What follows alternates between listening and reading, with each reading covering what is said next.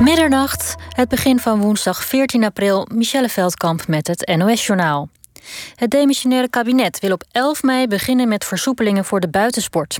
Nu mag iedereen tot en met 26 jaar in groepsverband buiten trainen. Wedstrijden zijn verboden. Vanaf 27 jaar mag iedereen alleen sporten op anderhalve meter afstand van elkaar en met maximaal vier personen. Als de coronacijfers het toestaan, zou daar vanaf 11 mei meer ruimte in komen. Voor de binnensporten, die al sinds december stil liggen, staan pas op 26 mei versoepelingen gepland. Het aantal toegediende vaccinaties is in de eerste helft van april toegenomen van 3,2 miljoen naar bijna 3,8 miljoen. Niet alleen is er vorige week fors meer gevaccineerd, ook is er een administratieve inhaalslag gemaakt. De AstraZeneca-prikken waren al 10 dagen niet bijgewerkt, terwijl 60-plussers die wel kregen. Deze week moeten er ruim 750.000 prikken worden gezet. Het kabinet heeft een stappenplan gepresenteerd voor versoepelingen van de coronamaatregelen.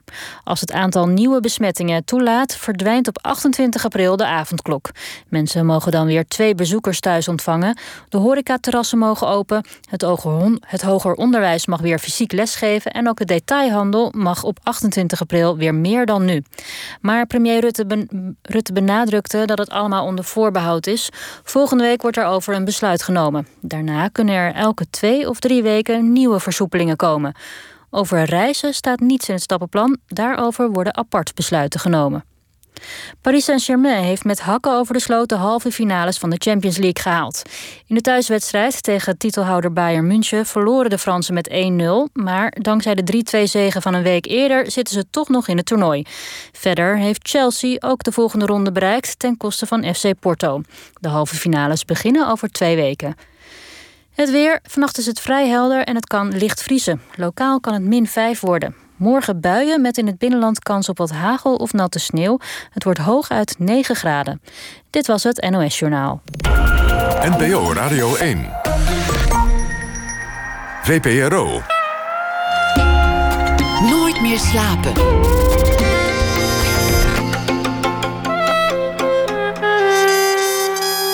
Met Pieter van der Wielen.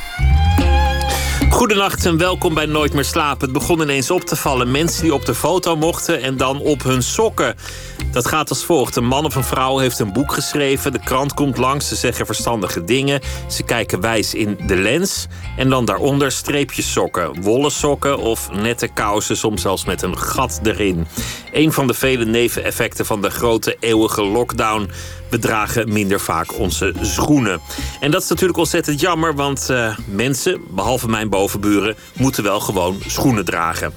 Zoals Marilyn Monroe ooit zei: geef een vrouw de goede schoenen en ze zal de wereld veroveren. De wereld, ach ja, de wereld, dat is waar eenmaal. Jan Jans is hier. Zijn naam is een merk inmiddels. Nederlands bekendste schoenontwerper.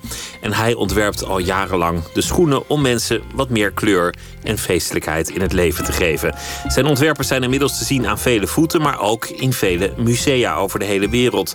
Vanaf april bijvoorbeeld in Museum Jan in Amstelveen. En later dit jaar, dat is ook bijzonder, zullen zijn memoires verschijnen. De werktitel luidt alvast Jan kan er wat van.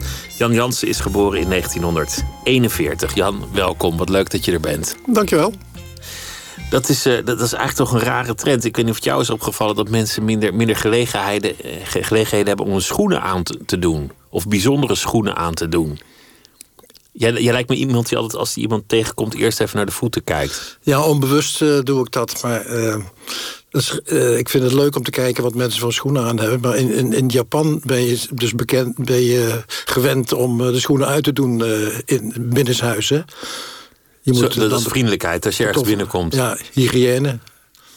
Daar is ook wel weer wat voor te zeggen. Ja. Maar je hebt natuurlijk minder feestjes momenteel dat je denkt: goh, nou, vrijdag, welke, welke schoenen zal ik daar naar aandoen? Dan heb je, als je een feest hebt, dan uh, ga je eens kijken van uh, wat is mijn feestelijkste schoen die ik, uh, die ik aan kan doen vandaag. Is, is, het, is het voor jou eigenlijk een, een rustig jaar geweest? Een beetje te rustig, ja. ja ik, dus toen die corona uh, inkwam, toen ben ik, kon ik dus gewoon geen collecties meer maken. Ik kon geen schoenen meer maken. Ik had geen... de winkel op het Rookin waren we al eerder gesloten. En toen de importeur ook ermee stopte... en de fabrikanten ook mee stopten... zat ik dus helemaal zonder, zonder mogelijkheid om schoenen te produceren.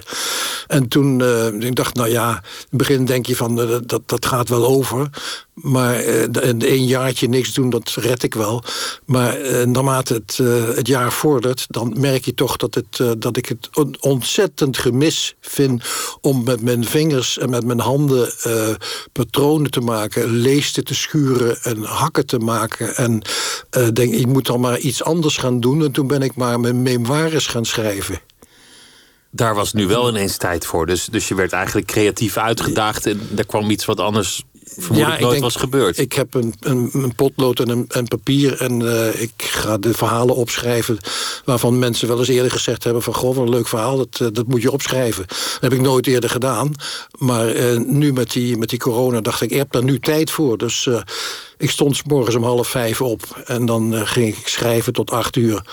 En uh, dat is een, een, uh, een boekje geworden van uh, 75 pagina's.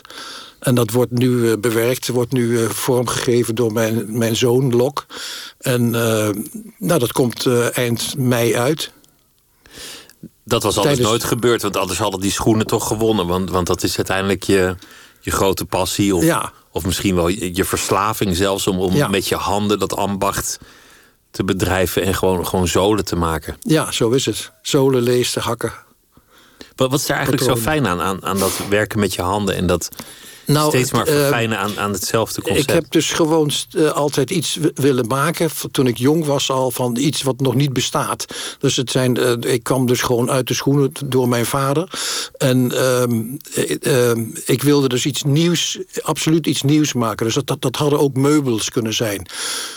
of uh, stoelen of banken of, of iets anders. Of maar brillen ik, of auto's? Of, uh... Ja, brillen of auto's, inderdaad. Ja, ja, ja. Maar ik, ik kwam dus in de schoenen terecht. En, uh, en dat heeft me altijd gefascineerd, omdat, het, uh, omdat je dan... Het is een 3, 3D-ding van... je moet het schuren, de leesten. Je moet het, het zijn beeldjes. Het is meer te vergelijken met beeldhouden. Ik zou dus ook nooit kleding ontwerpen, omdat dat op een hanger hangt. Het is wel prachtig als het uh, iemand aan heeft op de catwalk. Maar een schoen is een, is een object en dat kun je ook op tafel zetten. En uh, daar kun je aan, aan, aan, aan veilen en slijpen. En uh, ik vind het fantastisch om, om dingen te maken... Ehm, waar een, vrouw en een man ook, maar meer, meer vrouwen... zich heel erg uh, prettig in voelen. Want de schoenen die, die maken je heel erg stabiel. Uh, uh, je, maken je heel erg uh, zelfverzekerd. Als je dus een paar schoenen hebt, zeg van, nou, hier voel ik me lekker in. Dat betekent of je, ze zijn heel erg comfortabel en lekker om mee in het bos te lopen, of ze zijn super hoog gehakt, waar je dan je ook heel erg zelfverzekerd in voelt. Precies wat Marilyn Monroe zei. Geef een vrouw de goede schoenen en ze zal de wereld veroveren. Ja, je voelt je zeker, je voelt je prettig. Ja, maar zij zei ook, Mellemore zei ook van... ik weet niet wie de naaldhak uitgevonden heeft... maar die vent verdient een standbeeld. Een standbeeld? Dat, dat is ook voor uh, Marilyn Monroe. Ik, ik ken ook vrouwen die zouden zeggen... die, die vent verdient straf. Uh, ja, ja, ja. Niet iedereen kan erop lopen. Ja, ja. Maar, maar jouw vader zat, zat ook al in, in de wereld van de schoenen. Wat, ja. wat, voor, wat voor schoenen maakte hij? Ja, dat waren kinderschoenen. Dat was de, de, de Nimco eh, kinderschoenenfabriek in Nijmegen. Dat was, uh, uh, ja, daar was hij uh, hoofdvertegenwoordiger van. En hij kwam dus altijd met die schoenen thuis. En die moesten wij natuurlijk als kind ook aan.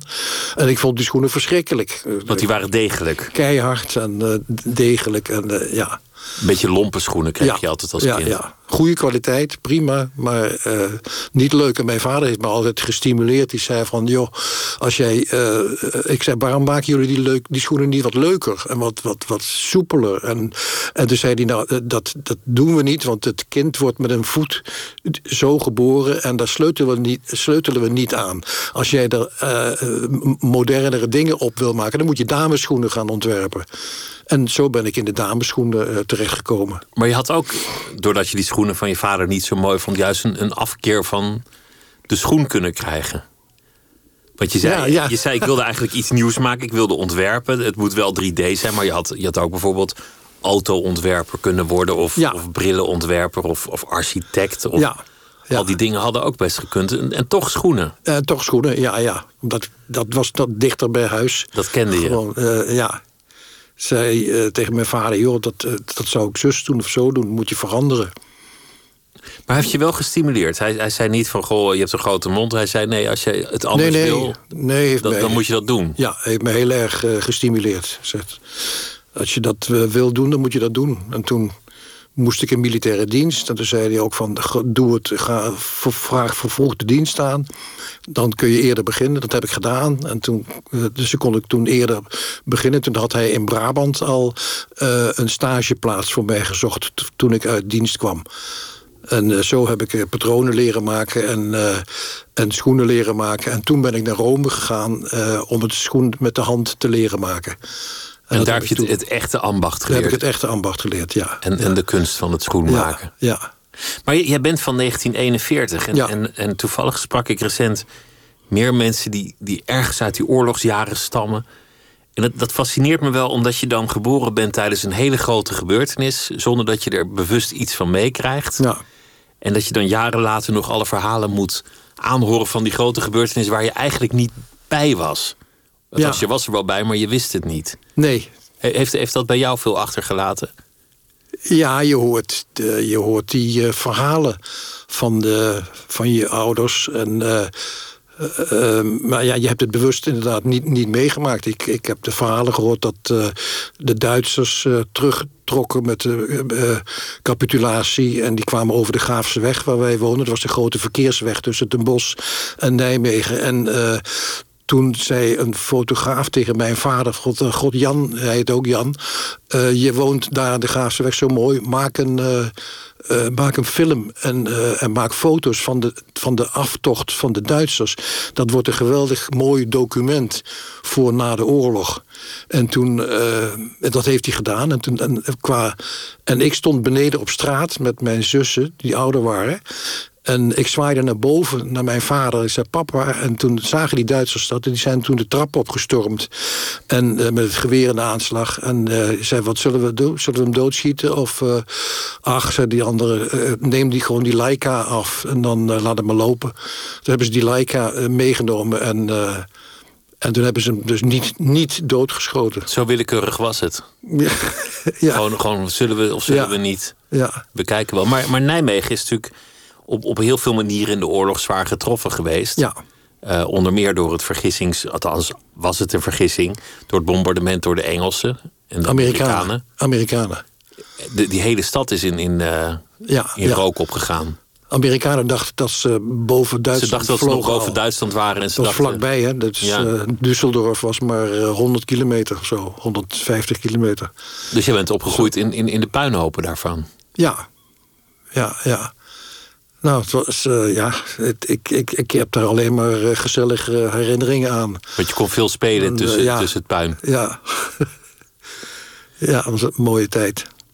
Je, je, vertelde, je vertelde dat je, dat je later, mede ge- geïnspireerd door je vader, naar Rome ging om, om daar schoenen te maken. Het, het is ook nog altijd je vrouw die jou toen heeft aangemoedigd om dat wel te doen. Ja, Omdat dat je eigenlijk ook al meteen terecht kon in Nederland en een goede baan kon krijgen. ja. Ja, dat klopt. Eh, Tony, eh, ik kon een hele goede baan krijgen toen ik eh, stage liep in, in, in Nederland. En toen zei die man, meneer Portocarrero van de Emperor Schoenfabriek... die zei, ga, maar, ga maar niet naar Rome, kom maar bij mij werken. Dan krijg je een geweldig salaris. En eh, toen zei ik, nou kan ik daar even een weekend over nadenken. En toen heb ik dat met Tony besproken. En ik zei, nou, we hebben een, eh, een fantastisch aanbod... en we kunnen gaan trouwen. En we hebben, we hebben geld, geen 50 euro in de maand... maar 500 euro in de maand of guldens. En, eh, en toen In die tijd een fortuin. een fortuin ja, was een heel, heel hoog, heel fantastisch aanbod. Ik zei, nou, dat kun je niet weigeren. En toen zei ze, ik zou het niet doen. En toen heb ik het niet gedaan. Toen ben ik wel naar Rome gegaan. En dat is een hele belangrijke beslissing, belangrijkste beslissing in mijn leven geweest eigenlijk. Wat, wat als zij had gezegd, eh, goh, wat leuk dat salaris, moet je doen joh. Dan had ik het gedaan. En dan was je niet naar Rome gegaan? Nee. En had je daar dan later denk je op teruggekeken? Ja, had ik spijt gehad. De rest van je leven? Ja. ja. Dus vanaf dat moment wist je, naar Tony moet je luisteren? Juist. Die, die snapt het? ja, ja. Zou je kunnen, zou je kunnen zeggen dat zij jou, jouw muze is gebleken? Ja, zeker. Ge- ge- geweest en gebleven. Ja, dat is echt wel mijn muze, ja. Want ze gaat ook altijd mee als je, als je op werkbezoek naar, naar Italië gaat. Ja, en ze eh, kijkt mee en werkt mee. Ze heeft gewoon een hele goede smaak, goede kijk, goed oog. En als ik zeg eh, van, eh, zal ik die hak iets dikker maken of iets dunner maken? Zegt zij, nou, ik zou hem zo laten of ik zou er iets aan doen. En dan luister ik er meestal wel naar. Niet altijd. maar vaak uiteindelijk, wel. Uiteindelijk beslis ik toch, maar eh, vaak wel, ja.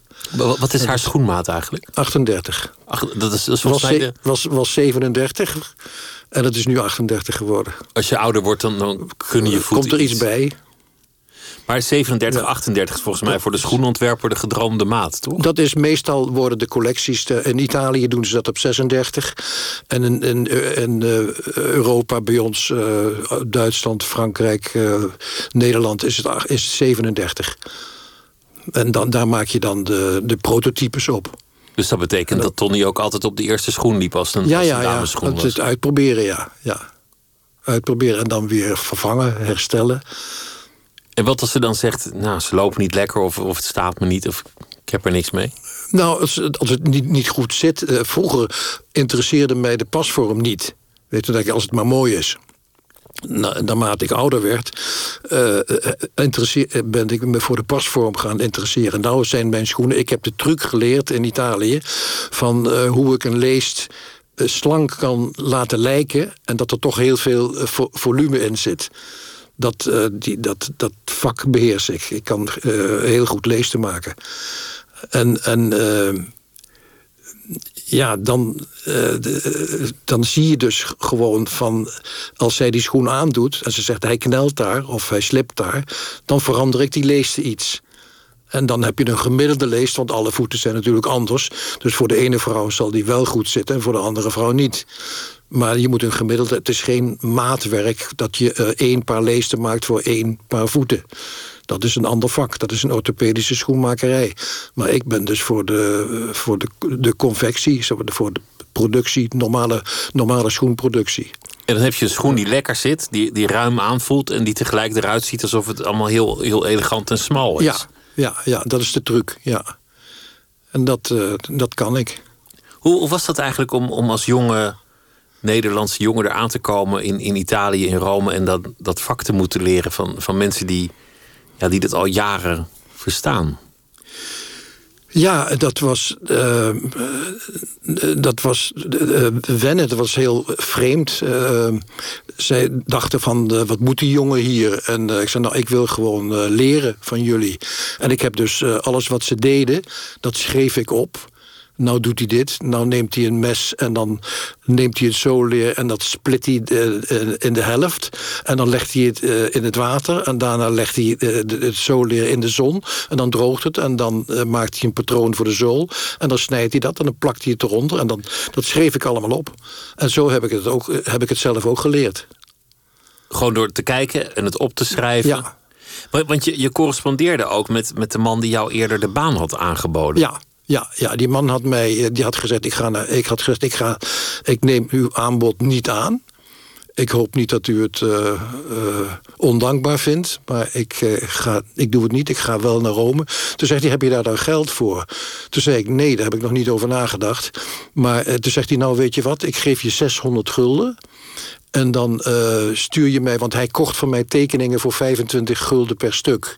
En dan kocht hij soms vier tekeningen, of drie, of twee, of eh, eh, altijd, altijd wel wat. En dan zei hij, nou weet je wat, ik geef je 600 gulden voorschot. Dan stuur je mij elke week een brief van wat je gezien hebt... en een tekening erbij. En zo betaal je die 600 euro gulden af. En zo gezegd, zo gedaan. Ik heb dat trouw elke week gedaan tot ik eh, die 600 gulden had afbetaald. En uh, daarna heb ik die man nog heel vaak uh, teruggezien op vliegvelden of op beurzen. En ik heb altijd gezegd, meneer Portecrero, ik ben u eeuwig dankbaar gebleven voor die, die eerste aanzet die u mij geboden heeft om, om naar Rome te gaan om schoenen te was, leren maken. was genereus en, en, Ja. En ruimhartig van hem Ja, om, om ja, dat zo ja. te doen. Ja, dat was een geweldige man. Ja. En, en de liefde voor Italië is nooit minder geworden. Nee, nee, dat is natuurlijk het mooiste land van de wereld. Hè. Dat snap je wel. Dat is eh, eh, spa- spaghetti alla bolognese en eh, frittata en het, het mooiste leer en de, de, de mooiste schoenmakers. En, En de beste wijn. Ja, En de beste wijn. En, heerlijk. En dat, dat, dat, dat, dat het oplichterige wat ze hebben. Weet je. Ze hebben allemaal toch een klein beetje, zij is het, klein beetje eh mafioos. En, eh, proberen je altijd is- een beetje te, te benadelen. Ja, ja, dat is. Maar dat, eh, als je daar weet hoe dat werkt, dan is het ontzettend leuk. Is een, een, een Daar heb je geweldig, plezier- geweldig daar heb je plezier aan. Ondanks dat je weet dat iedereen probeert je een klein beetje te tillen. Ja, ja, ja. Of soms ja. wel meer dan een klein beetje. Ja, ja, als je weet hoe dat werkt, dan is dat ontzettend komisch. Maar, maar er, zijn, ook- er, zijn, er is één zaak die, die heeft ook wel het nieuws gehaald. Dat, dat op een zeker ogenblik, en volgens mij is het veel vaker gebeurd. Een ontwerp van jou gewoon gestolen is. En ineens onder, onder de vlag van een groot modemerk Ja, in de winkel lag. En Ja. terwijl, terwijl het duidelijk, onmiskenbaar, herkenbaar jouw ja, ontwerp was. En toch wist je, het, heeft gewoon geen zin om te procederen. Want ze, ze, ze blijven doorprocederen en ik kan dat niet betalen. Nou, ik, eh, nou, het was zo. Ik heb, ik heb wel geprocedeerd in Nederland. Dat was tegen, eh, tegen Giorgio Armani. En die had een, model één op één kopie gemaakt. Toen dacht ik, er zijn heel vaak dingen van mij nagemaakt. waar, je, waar kleine veranderingen aan eh, gemaakt zijn. En die, daar kun je niks tegen doen. Maar ehm, eh, deze was echt één op één. Toen ik dat zag, dacht ik, nou, dat win ik. En dat heb ik ook gewonnen in, in, in Nederland. In Nederland en, gewoon. ja, en dan wordt worden de schoenen werden dus door de rechter bepaald dat ze uit de handel genomen moesten worden. Eh, en ehm, eh, ik had dat dus gewonnen, maar als je dan eh, achter geld aan wil, dan moet je een bodemprocedure starten in Milaan. En daar heb ik eventjes geïnformeerd. En toen zei een bevriende schoenontwerper tegen mij: Jan, vergeet het. Begint er niet aan, want er zijn twee mensen in Italië waar je niet tegen kunt procederen. Dat is de paus en Giorgio Armani. Dus daar heb ik het maar laten zitten. En, dan, en dan, dan moet je dat dus gewoon laten gaan. Terwijl het, Ja. terwijl het ook je rechtsgevoel aantast en je je ongetwijfeld heel erg bedonderd voelde. Ja, ja. Nou ja, kijk, eh, zo'n grote man als eh, George Armani... die heeft dat natuurlijk niet zelf gekopieerd. Die heeft, die heeft assistenten en stagiaires. En er komt iemand eh, die zo'n schoen op het Waterloopplein gekocht heeft. Want die schoen die was al meer dan 15 jaar oud. En die hebben dat een nieuw leven ingeblazen. Die hebben dat gekopieerd en aan meneer Armani laten zien. En meneer Armani heeft gezegd... "Ja, goed gedaan, jochie. Eh, doen. Dus die man heeft daar zelf niks van geweten. Maar het, is wel, eh, het was wel een plag, echt een, echt, eh, een, een prototype van, eh, de- van, van plagiaat. Maar het, het is je vaak gebeurd. Hoe, hoe ga je daar eigenlijk mee om als je, als je creatief bent en je bent gepassioneerd voor je werk? Dat eigenlijk, nou ja, toch, toch met grote regelmaat mensen met je ideeën vandoor gaan, het net een beetje veranderen of Ja, doen alsof zij de eerste waren. ja, Je, je hebt kennelijk mensen die zich graag willen uitgeven als creatief genie, maar geen inspiratie hebben of wat dan ook. En dan denken, nou ja, goed gejat is beter dan slecht verzonnen. Ja. Ik doe Ja. het gewoon. ja. Hoe, hoe ga je daarmee om? Ja, dat is. eh, eh, ehm, kopiëren is, eh, is een compliment, zegt men dan. Ja, ik zie dat niet zo. Ik zeg, ik vind gewoon dat ze met hun handen in mijn zakken zitten. Zitten gewoon Ja, dat is mijn- toch ook zo? Mijn geld af te jatten. En, dat vind ik niet zo prettig. Maar, maar je- Maar, maar dat doe je, dat doe je verder niks aan. Gewoon maar dan maar nieuwe ideeën bedenken. Dan maar nieuwe ideeën bedenken, ja. ja.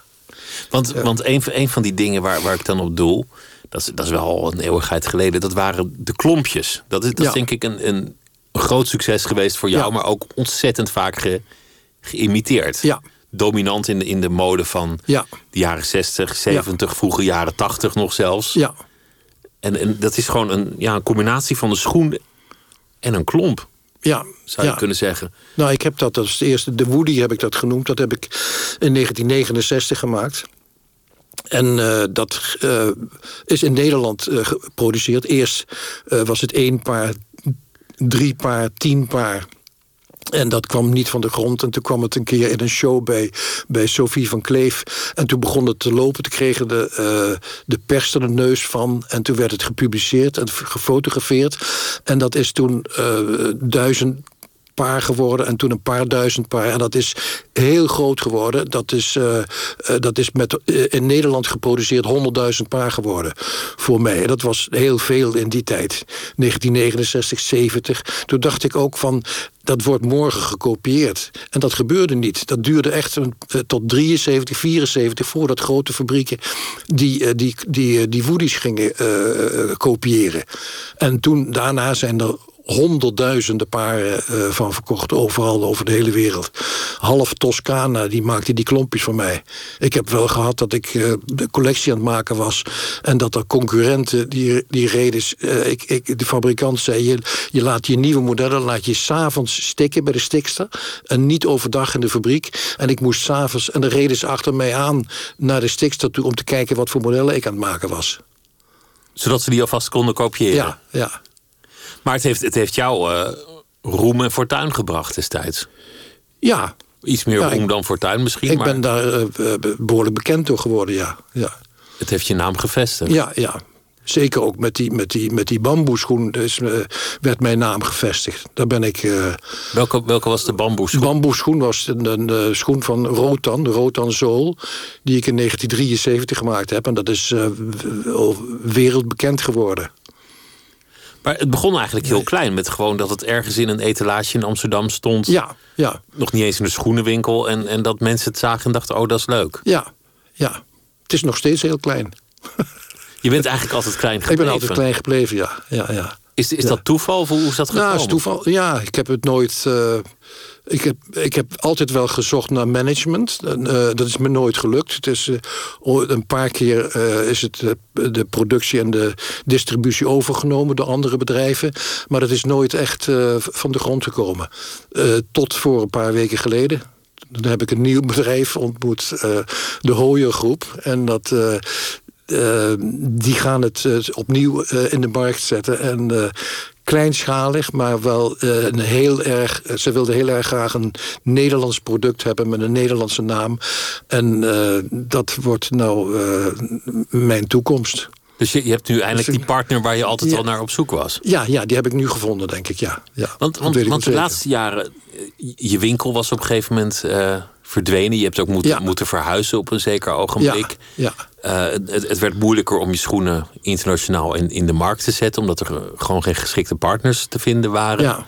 Dus, dus het, het, het lijkt mij van een afstandje dat je, dat je best wel tegenslagen hebt gekend. Dat kan je wel zeggen, ja. ja, ja. Ik heb de, de importeur die toen mijn collectie distribueerde... die eh, stopte ermee, die eh, ging eh, zogenaamd failliet. En toen hebben ze het huurcontract wat wij hadden op het Rokin... dat was ook overgedaan aan die firma. En dat hebben ze toen verkocht aan die Nutella-winkels... voor tonnen. Dus nu zit er zo'n En, zo'n eh, zo'n eh, zo'n een- smeerfabriekwinkel, zo'n toeristenwinkeltje. Zo'n uh, Nutella-winkel zit op het Rokin, waar wij dus uh, 33 jaar lang hebben wij daar uh, uh, die schoenenwinkel gehad. En was, die, die winkel was uh, over de hele wereld bekend. En Tony heeft daar dus ook uh, 40 jaar in, in gewerkt. En, en jij woonde ook, geloof ik, daarboven. Wij woonden boven, het, boven de winkel op het Rokin, ja. ja. Dus dat was gewoon elke dag naar beneden naar je werk en, en Ja. eh, Ja, nou ja, dat was meer Tony. meer Tony, want jij zit Ik in het atelier natuurlijk. Ja, ja. Hoe is het eigenlijk gekomen dat, dat je een merk bent geworden? Jan Jansen, er, er zijn zelfs mensen die, die denken dat dat helemaal nooit iemands naam is geweest. Zoals Ja. mensen ook zich niet kunnen voorstellen dat Blokker en Piet Kerkhoff en god weet wie allemaal werkelijk bestaande personen zijn. ja. Hoe werd Jan Jansen een, een merk? Ja, dat is. Nou, het, het, het- de naam ehm, is heel goed uit te spreken. Ze zeggen in, in Amerika nooit John of zo. Het is altijd Jan. Jan Jansen. En in Japan eh, ook het logo van eh, eh, mijn logo is in Japan dus, wordt heel erg goed ontvangen. Toen zeggen ze van, "Goh, ja, wat heb jij een prachtig logo. En toen zeggen ze, maar hoe heet je nou eigenlijk? Ik zei, ja, ik heet Jan Jansen. Ja, dat, dat geloofde ze dus niet. Ik zei, nou, ik zal je mijn paspoort laten zien. Ik heet echt Jan Jansen. Zei, nou, dat kan haast niet. Het is zo'n mooi gestileerd logo. En uh, ja, dat geloofden ze gewoon niet. Maar hoe is dat gekomen dat je destijds onder die naam die schoenen in de markt ging brengen? Of ging dat gewoon volledig nou, joh, vanzelf? Ik, uh, ik, ben, ik ben zo geboren. Ik, ik, mijn vader heette Jansen. En hij, heeft mij, en hij heette ook Jan. En hij heeft mij ook Jan genoemd. Dus het is mijn naam. dus vanzelfsprekend dat de schoen ook zo kwam te heten. Ja. Ja. ja. Zo, zo gaan dingen uiteindelijk. Ja. Japan is wel een land waar je, waar je in de loop der jaren een band mee hebt opgebouwd. Ja. Je, je hebt daar ook, ook les gegeven. Ja. Vrij langdurig zelfs. Ja, ja. Op de Bunka Academie in Tokio. Ja, ze hebben mij daar eh, visiting professor gemaakt. wat, wat, wat, onderwees je? Uh, nou, uh, uh, hoe je iets nieuws maakt. He, uit van, niets? Uh, uit, uit niets. Zeg gewoon, um, ze hadden daar leesten en dan maakten ze daar modellen op. En toen zeiden ze, uh, uh, die, die, studenten zeiden... we zouden ook die leest graag veranderen, maar dat mag niet van de leraar. Ik zeg, oh ja? Dan moet je eens opletten. jullie gaan nu die leesten veranderen. En zo, ik heb ze vrij, vrijer leren denken. Ze zijn dus heel erg ehm, bekrompen in, in hun hun denken, hun, hun creativiteit wordt daar veel uh, geremd. En dan was het zo met mijn taak en taken van uh, andere uh, Europese ontwerpers om de mensen, de studenten vrijer te laten denken. En dat, dat lukte, daar zijn ze fantastisch dankbaar voor.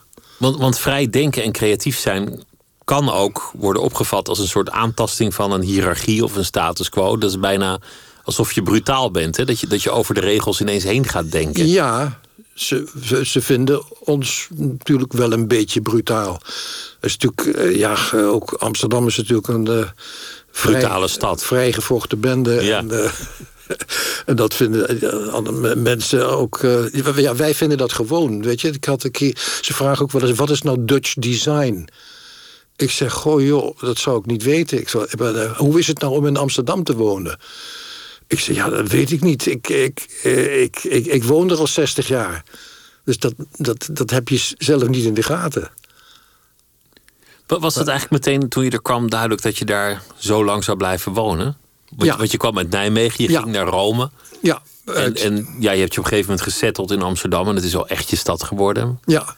Was dat meteen helder? Dat was meteen, uh, meteen uh, duidelijk, want uh, ik kwam uit... In, in Nijmegen dus werden wij, Tony en ik, allebei nog aangekeken op straat. Een beetje te extravagante kleding. Weet je, ik had, uh, mijn moeder had een naaister. En uh, als ik een broek had, dan liet ik de pijpen nauwer stikken. En uh, gele sokken. En, en Tony was de Black Maraja. Die zag er heel in het zwart uit. Heel opvallend. En werden nogal aangekeken. En... En toen gingen wij naar Amsterdam. Toen ging ik eerst naar Rotterdam en toen naar Den Haag. Dat was het allebei niet. En toen kwamen we naar Amsterdam. Toen gingen we op de Dam zitten een boterhammetje eten. En geen mens keek je aan. En dat vond ik zo'n luxe. Vond ik fantastisch. Je kunt hier gewoon een boterham eten op straat en niemand die je aankijkt. Vond ik heerlijk. En dat is, daar zijn we dus nooit meer weggegaan. Omdat hier zijn zoveel uh, bonte vogels. De, je valt ook niet echt heel snel op. Nee, nee, vroeger wel, maar nu niet meer. Ik ben nou een oude vogel geworden. Een oude vogel? Ach, je ziet er nog fantastisch uit, Jan. Dat, dat, dat, wat je net zegt, van hoe, hoe maak je iets uit niets? Dat, dat, dat vind ik eigenlijk iets fascinerends. Dat je een, een leeg vel hebt. Ja. En dat je dan nou ja, dan kan je natuurlijk doen wat je wil, maar, maar soms kan je iets doen dat het lijkt alsof het nooit anders is geweest en dat je niet kan voorstellen dat het nooit bestaan heeft. Ja, ja dat, dat, dat komt omdat uh, ik vaak uh, uh, als je je ogen dicht hebt, uh, beelden doorkrijgt. Ook als je gewoon onder de douche staat of in een auto zit of op straat loopt. Dat je, dat je beelden doorkrijgt met je, met je ogen dicht. En dan denk je, hé hey, verrek, ik zie daar een ontzettende mooie hak in. En dan, dan ga je maken. En dat, is dus, dat, dat komt dus uit het niets. Dus ik ga niet in modebladen kijken en zeggen van... goh, wat is de nieuwe trend? Want daar heb ik geen verstand van. En uh, dus je maakt, ik maak iets wat niemand doet. Wat niemand heeft. Ook niet wat, wat uh, eh, verwacht wordt dat verkocht gaat worden. Want dat weet ik gewoon niet. Maar het komt in je op. Je denkt ineens, Ja. een, een hak zou ook dit kunnen zijn. Of een, of, Ja. een, of een neus zou ook zo eruit kunnen zien. Ja, ja, En dat, dan blijken die grenzen eigenlijk best ver op te rekken van het concept schoen. ja, Je, kan, je kan eindeloos ver doorredeneren. ja, ja. En dat is maar een klein, eh, een klein objectje. Een schoen is maar 25 centimeter lang. Dus, eh, dus je, je kunt eigenlijk niet zoveel doen. Maar de mogelijkheden zijn onbeperkt. Dus voor een buitenstaander lijkt het dat je niet zoveel kunt doen. Het is geen beeld van, van eh 2,50 meter breed. Het is gewoon een schoen. Het is gewoon maar een schoen. Het is ook niet dat je brancusi bent en dat je echt alle kanten op kan. Want het moet wel uiteindelijk aan iemands voet terechtkomen. Ja, precies. Het is een, het is een industrieel product. Hè. Ik ben geen vrije kunstenaar. Ik, je moet er eh, je voet in kunnen zetten. Als je een koffiezetapparaat ontwerpt... dan kan het nog zo mooi zijn... maar je moet er wel koffie mee kunnen zetten. Anders is het niks. Anders eh, ja, dan is, het geen, dan is het geen industrieel product meer. Ben je, ben je wel eens buiten die grens terechtgekomen dat je merkte dat het niet meer haalbaar was of niet meer draagbaar was? Je ontwerp? Eh, n- nee. Nee, vroeger als eh, heel in het begin maakte je wel eens eh, een beetje onmogelijke schoenen, maar dat, dat doe je automatisch niet meer. Ik, ik zal nooit een hak ontwerpen waar je niet op kunt staan. Dat, dat, dat zit erin gebakken. Dat, is, dat, dat, is, dat gaat vanzelf. Dat is het ambacht. Dat is het dat, ambacht, gewoon ja. echt in je vezel zit. Ja, ja, ja. Je hebt wel veel waardering gekregen in de loop der jaren. En, en eigenlijk steeds meer vanuit de kunstwereld. Dus er zijn ontwerpers die fan van jou zijn en van, van jouw ontwerpen. Kunstenaars die het inspirerend vinden. Maar ook de museale wereld heeft jou, heeft jou steeds meer weten te vinden. Je schoenen zijn tentoongesteld, Ja. maken zelfs deel uit van vaste collecties. ja. Je, wordt, je, je schoenen worden geveld, of je, je ontwerpen, je tekeningen worden geveld. Als, alsof het gewoon kunstwerken zijn. ja. Dus het is grappig dat het aan de ene kant gewoon altijd een schoen is gebleven, die ook altijd gewoon gedragen is en ook Ja. altijd toegankelijk is voor iedereen. Als je hem wil hebben, kan je hem gewoon betalen. ja. En tegelijk is het ook een kunstwerk geworden. Ehm, ja, ja, ja, ja, ze hebben wel eens gezegd van jouw schoenen zijn bijna kunstwerken. En eh, met, met, met jonge ontwerpers zijn het meer kunstwerken dat, die op schoenen lijken. Het, ik, maak dus Dan moet je goed kijken en denken, oh verrek, het is een schoen. Het is een schoen, ja. Ja. ja. ja, En dat is dus iets wat ik niet doe. Ik, ik, ik maak schoenen waar je op kunt lopen. In essentie is het een schoen, maar, maar hoe, hoe vind je het als je het dan ineens in een, ja, in een tentoonstelling ziet, achter glas, en mensen er langs schuifelen? Nou, dan eh, denk ik, toen ik in Tokio liep, eh, die, die, die, die eh, collectie daar in het museum zag staan. Dan liep ik er langs, wat je nou net zegt, daar heb je er langs. En dan denk ik, nou, ik ben nou wereldberoemd. Dat is je toch maar overkomen. Ja, maar dat is helemaal niet bijzonder hoor, om wereldberoemd te zijn. Dat is heel gewoon. Dat is niks, is niks bijzonders aan. Alles blijft verder hetzelfde eigenlijk. Het, het, het lijkt alsof je ook, ook ergens gewoon blij bent dat het allemaal klein is gebleven. Dat, dat het niet een soort Armani-achtig imperium is geworden of Ja, dat, dat had soort het dingen. Kunnen zijn, maar eh, ja, ik heb niet de verantwoording voor 200 man personeel. Eh, dus ik, ik, ik, ik, ik doe maar wat. Als het, eh, als het het fout is, dan is het fout. Dan, dan heb ik pech dan heeft Tony pech. Maar dan is er niet een eh 25 families die eronder moeten lijden. Dus, dus ja, ik doe maar wat. Dat is ook een soort banvloek, toch? Ik wens u veel personeel toe. Zoiets, ja, ja, ja, ja. Uw, uw zoon die, die werd ook een keer ondervraagd en die, en die zei van ja, mijn ouders die zijn volgens mij nog altijd even verliefd als op een, als op een eerste rendezvous. Dat is gewoon nooit minder geworden. ja. Ja, maar die snotneus, hè? Hoe weet hij dat nou? Hoe weet hij Ja. dat nou? Maar Dat klopt wel. het klopt wel. Ja, klopt wel, ja. Hoe, hoe is dat mogelijk? Dat, dat je, dat je na, na zoveel jaar nog steeds even verliefd kan zijn op, Ja. op je echtgenote? Dat weet ik niet, joh. Moet, hoe moet ik dat nou weten? Dat is, dat is gewoon, dat overkomt je gewoon. Het overkomt heel veel mensen ook niet, want, want de helft van alle huwelijken strandt, of, of misschien Ja, meer ja, ja, nee, maar bij ons is dat eh, gewoon zo, eh, zo gegroeid. Ik heb Tony ook nooit ten huwelijk gevraagd. Gewoon, ze hebben gewoon, eh, nou, we gaan een verlovingsfeestje doen. En dan gaan we trouwen. Dat was vanzelfsprekend. Dat, dat was vanzelfsprekend. Ik heb, ja. Hoefde Ja, dat niet eens goed. besproken te worden. Dat was gewoon... nee, eh, nee. Je weet nog, toen wij eh, de winkel op het Rokin eh, konden overnemen... dat was Puk en Hans, die zaten naast ons op eh, nummer 40... En toen kwam die winkel vrij. En toen zei Hans, die belde mij op. Hij zei, die winkel komt vrij, dat weet niemand. Het staat niet in de krant, maar komen jullie hiernaast zitten? En toen, toen hadden wij de winkel in de Runstraat. En het was een hele sprong naar het Rokin. Het was een, een, een heel stuk luxer en duurder. En eh, toen liepen wij... eh, Zei, nou, we willen wel komen kijken. En toen liepen wij daar samen in, Tony en ik. Ze liepen dat pand door, van boven naar beneden. En toen liepen we de deur uit richting Dam. En na tien minuten, tien meter, keken we elkaar aan. En toen zei ik, nou dat doen we dus, hè. Zei toen, ja, dat doen we dus. Daar hebben we al geen twee minuten over gesproken. Het, Het wel intuïtief. alsof heel veel grote dingen in jouw leven eigenlijk zo intuïtief zijn gegaan. Ja. En ja. met zo'n vanzelfsprekendheid. Het wordt een beetje ges- gestuurd hè, van bovenaf, denk ik. Door iets, eh, Door- een of andere iets. macht die, Ja, die denkt, ja, nou ja, Er zijn dus dingen die eh natuurlijk in het heelal die wij niet snappen, die wij niet weten. Daar ben ik wel van overtuigd. Het is niet zo van, dat heb ik allemaal gedaan. Ik heb niet zoveel gedaan, maar eh, dat, het wordt toch wel... De, de goede dingen die eruit gekomen zijn, die worden toch wel eh, gestuurd van bovenaf, denk ik. Nou- Misschien is het niet waar, ik kan het niet bewijzen. Niemand, eh maar, maar wat, wat, je gevoel dan, heb ik. wat je dan wel hebt gedaan, is eraan gehoorzaamd. Bijvoorbeeld door naar Rome te gaan. Dus, dus als dat op je pad komt en, en je intuïtie zegt, ja, dit moet ik doen. Ondanks dat er een, een fantastisch loonaanbod ligt en een veel degelijker keuze om de hoek om, om in die fabriek van, van die lieve meneer te gaan werken.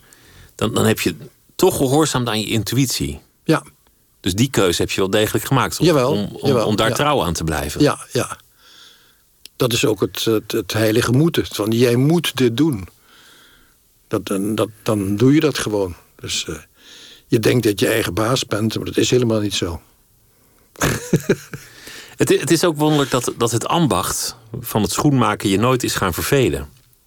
Nee, Dat je eigenlijk het liefst elke dag vroeg zou willen opstaan. Ja, naar, naar je, je werkplaats zou willen gaan en gewoon weer aan een leest zou willen, willen schuren. ja. Hoe kan het dat zoiets nooit, nooit verveelt? Omdat er steeds nieuwe dingen te, te bedenken zijn. Ik heb nooit eh, de laatste mogelijke hak gemaakt. En de laatst mogelijke leest. Ik weet nog in het begin eh, zei iemand tegen mij van... eh, waarom ontwerp je schoenen? Die zijn er toch al? Ja, waar beschrijf je boeken? Die bestaan toch al? Ja, Dus precies. dat is eenzelfde soort opmerking. Ja, ja. dus dat, dat, is, eh, dat is e- eindeloos. Dat, eh, de, de nieuwe dingen zijn eindeloos. Ik kan er nog, nog 200 bedenken het komende jaar. Dus Word je er ook andere- beter in? Heb je, heb je die indruk? Nou, je wordt, er- je wordt er handiger in. Je wordt er eh, meer bedreven in. Als ik vroeger eh, tien schoenen maakte, tien patronen tekende... dan, ehm, dan moest ik zeven corrigeren. En dan denk je, nee, dat is te hoog, dat is te laag. Eh, laat een schoen passen. Eh, en als ik nu tien schoenen teken, dan zijn er negen goed van. Dan maakt steeds minder fouten. Het duurt wat langer als je ouder wordt, weet je wel. Je, werd- je hebt je lichamelijke perikelen. En, eh, het duurt wat langer, maar het, het, het idee wordt, is, is sneller.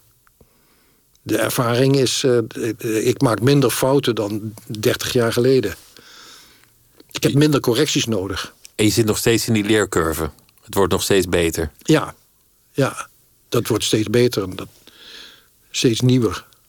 Ik, ik wil het ook nog met je hebben over, over de mensen die door de jaren heen jouw schoenen hebben gedragen. En dan, dan is het verleidelijk om het meteen over de, de beroemdheden te hebben. De beroemde vrouwen die zich lieten fotograferen. Of die naar een belangrijke gelegenheid gingen met jouw schoenen aan, aan hun voeten.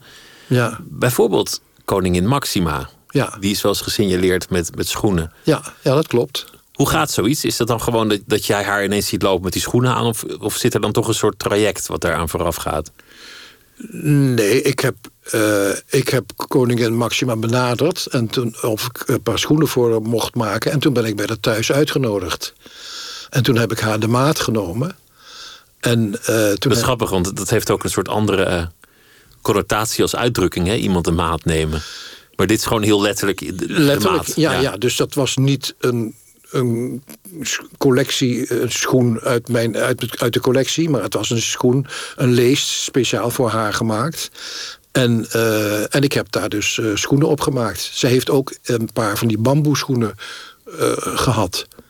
En die, ja, dat was een hele bijzondere ervaring. De vrouw heeft een ontzettende goede smaak. En, en ze zei ook, meneer Jansen, als ik die open tenen heb, ik wil die binnenzool niet zo smal hebben.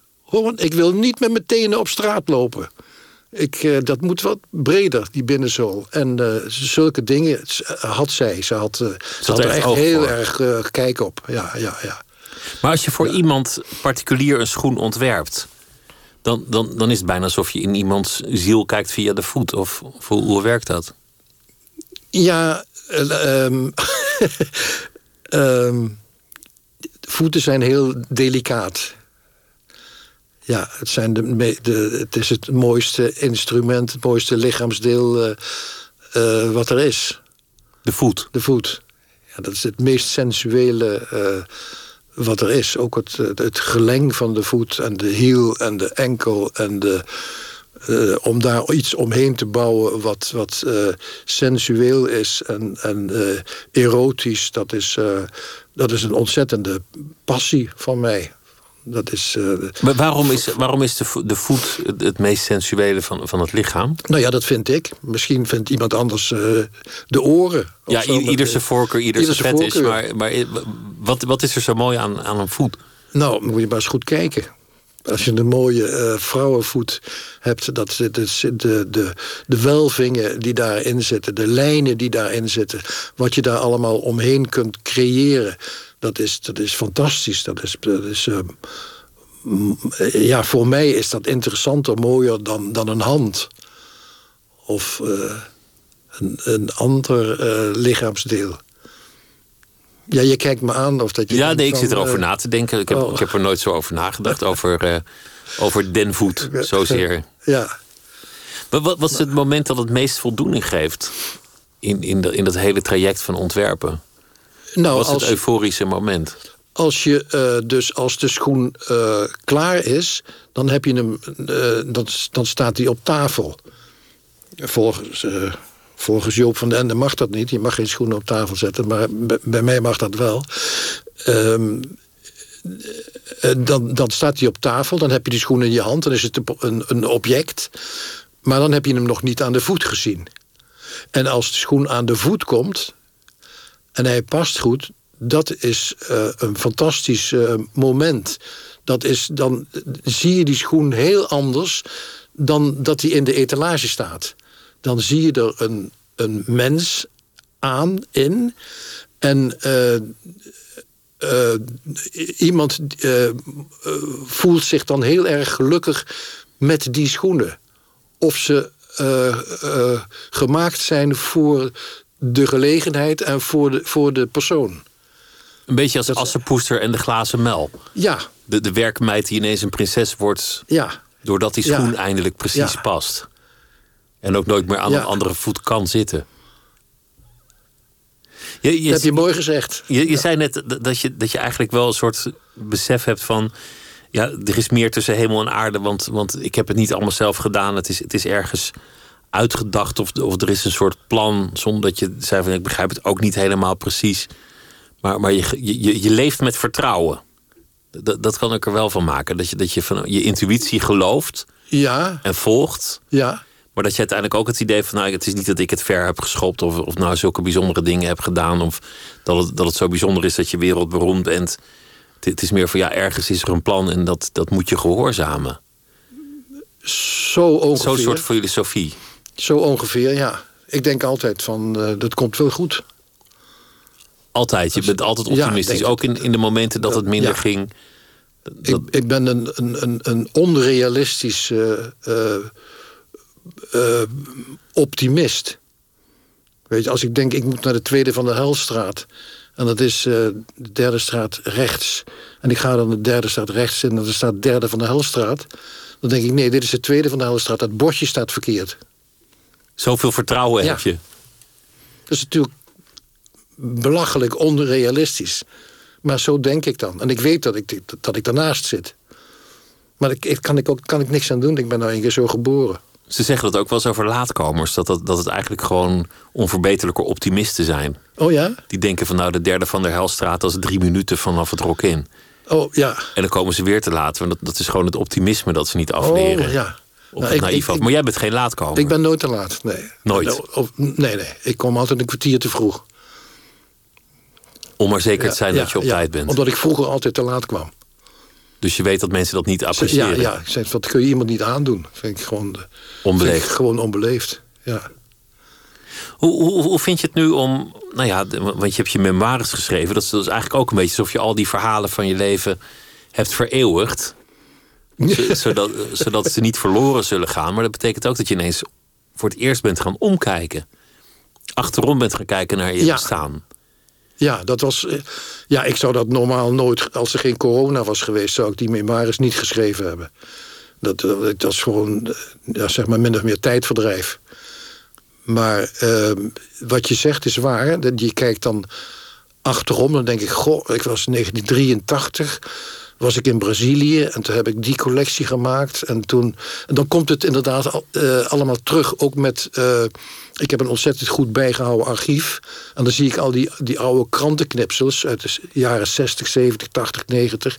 Ik heb iets van 45 grote A4, grote pagina, grote eh, publiciteitsmappen. En dan, als je die dingen dan terugleest, dan denk je... jeetje, wat heb ik dat allemaal gedaan? Heb ik dat toch wel gedaan? En dan eh, dat was ik, eh, wist, ik, wist ik niet meer dat ik dat gedaan had. En dat heb ik dan opgeschreven. En dat, eh, ja, dat heeft me wel voldoening gegeven. Ik vond het heel erg leuk om, te, om dat op te schrijven. Ik weet niet of iemand anders er wat aan heeft, maar het komt wel uit. Maar dat betekent ook dat je terugkijkt op je leven tot nu toe... en denkt, dit dit is een mooi bestaan geweest. Ja, jawel, ik heb wel een mooi, mooi, mooi bestaan gehad, ja. En nog. En nog, want, En want, nog. want je zei net ook, het, het mooiste komt eigenlijk nog... want ik heb eindelijk die producent gevonden met wie ik, met wie ik het kan vinden... die Ja, Dit Ja. wordt een mooie samenwerking. Nu, ja dat wordt, wordt het, een mooie samenwerking. nu ja. wordt het eindelijk wat het altijd al had moeten zijn. Ja, een heel leuke echtpaar, Hilco en Christel Royer. En eh, we kunnen het ontzettend goed met elkaar vinden. En eh zei, joh, dat gaan we er even dat gaan we erbij doen. En wat gaat het eigenlijk worden? Z- zij gaan jouw schoenontwerpen aan de wereld verkopen. Ja, ja, ja. Ze vinden het leuk om een Nederlands merk eh, te hebben. Een, een, een oud merk, een bestaand merk. En dat nieuw leven in te blazen. En dat betekent dat- dat, jij, jouw functie wordt gewoon in het atelier staan... ambacht, ontwerpen, Ik, ideeën eh, genereren. Kijk, kijk eroverheen. Hè. Ik mag, er komen ook eh, misschien jonge ontwerpers bij. Of, zo, of, of één of meerdere. En dan, dan word ik zo'n beetje de supervisor. Dan hoef ik niet meer eh, eh, in de auto te rennen naar de leestenfabriek. En eh, alles, alles zelf organiseren en doen. Dan zeg ik, nou de productie is voor jullie. Zoeken jullie maar een fabriek. En ik maak de modellen en... en dan is de kous af. Dat wordt voor mij veel rustiger. dus dat en betekent, makkelijker. Dat, dat betekent eigenlijk ook dat het merk Jan Jansen jou kan overleven. Dat, dat het kan voortbestaan Ja. op, op een dag dat jij niet meer werkt. Ja, ja. Dat, dat, dat, eh, dat neem ik aan. Ja, ja. Dat ik er niet meer ben ook. Als ik er niet meer ben en het merk gaat voort, dat zou ik leuk vinden. En wat, wat zou het dan moeten zijn? Wat, wat, wat is dan de essentie van Jan Nou, Jansen als, als jij het niet meer bent? Dan is het zoals met zoveel merken. Hè. Zoals eh, Chanel. Ik, daar vergelijk ik mezelf niet mee hoor. Maar, Maar die is er ook niet meer. Dus maar ja. die is er ook, dat bedoel ik, Yves Saint. Laurent. eh, de- al die merken, die, zijn, die, die mensen die zijn eh, overleden. Maar die merken die gaan gewoon door. En is, is er dan iets waarvan je zou zeggen... ja, maar Jan Jansen moet wel daaraan voldoen? Dit, dit is eigenlijk wel de kern van waar het als merk om draait. Nou, dat, eh, ja, dat, dat, eh, dat laat ik dan aan, aan, eh, aan, En je opvolgers over. aan, aan, Hilco en Christel over. Ja, die zeggen, jongens, eh, zorgen jullie goed voor me als ik er niet meer ben? Ja hoor, dat doen we, Jan. En voor jou, dat wil dan zeggen voor jou, jouw merk, jouw naam, Ja. jouw schoenen. Ja, ja, ja, ja. En dan zijn mijn eh, kinderen er ook nog, die, eh, die, die daar ook naar kijken. En eh, een mening over hebben. Ja, dit klinkt bijna alsof we een soort van aan het afsluiten zijn. Maar volgens mij ben jij en, en is, is Tonning zijn jullie er allebei nog lang niet, niet klaar voor om, om er al een punt achter te draaien. Nee, ja, goh, we, we zijn uh, gevaccineerd en we zijn allebei gezond. Dus uh, je denkt niet zo. Uh, Tony is 80 en ik word volgende maand 80. En ja, je denkt niet zo na over leeftijd, omdat je niet ziek bent, weet je. Ik denk als je ziek wordt, dat je dan denkt, beutje, ik ben, ben 80. Dat, ja. dat, dat, gaat, nou, nou ben ik oud. Maar dat hebben wij niet. Godzijdank, we zijn er uh, gezond. Godzijdank, ja. Gelukkig zijn we gezond. Ik denk, ik denk inderdaad, als je ziek wordt, dat, dat, dat, het dan, dat je er dan anders tegenaan kijkt. Dat weet ik niet. Nou ja, laten, we, laten we gewoon zeggen, 80 is het nieuwe 40. Waarom niet? Dan hebben we dat opgelost. Ja. Wat, wat, wat, zou je nog heel graag willen? Um, doorgaan. Dat het uh, inderdaad gewoon goed gaat lopen met die nieuwe, uh, nieuwe hooiergroep. En dat het dan... Uh, dat het dan doorgaat. Dat, het, dat ik dus niet meer dit jaar, dit coronajaar heb... waar ik een jaar lang stil heb gezeten. Uh, dat het inderdaad, uh, inderdaad doorgaat. Dat, dat, uh, dat jaar stilzitten, dat heeft me... Dat is me ontzettend tegengevallen. Ik vind het fijn dat ik die memoires geschreven heb.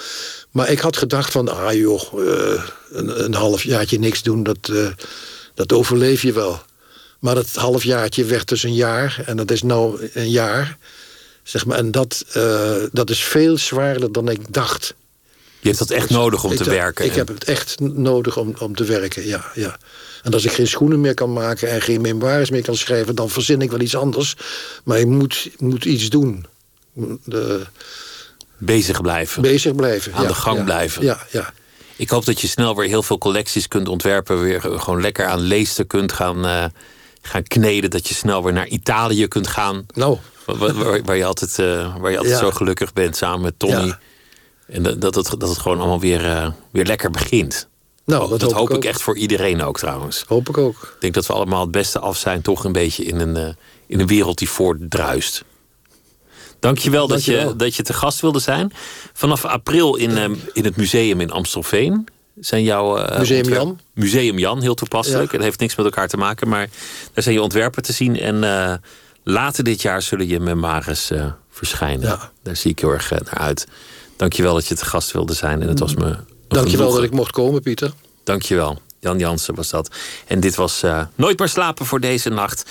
En we zijn er uh, morgen uiteraard weer een uh, hele goede nacht.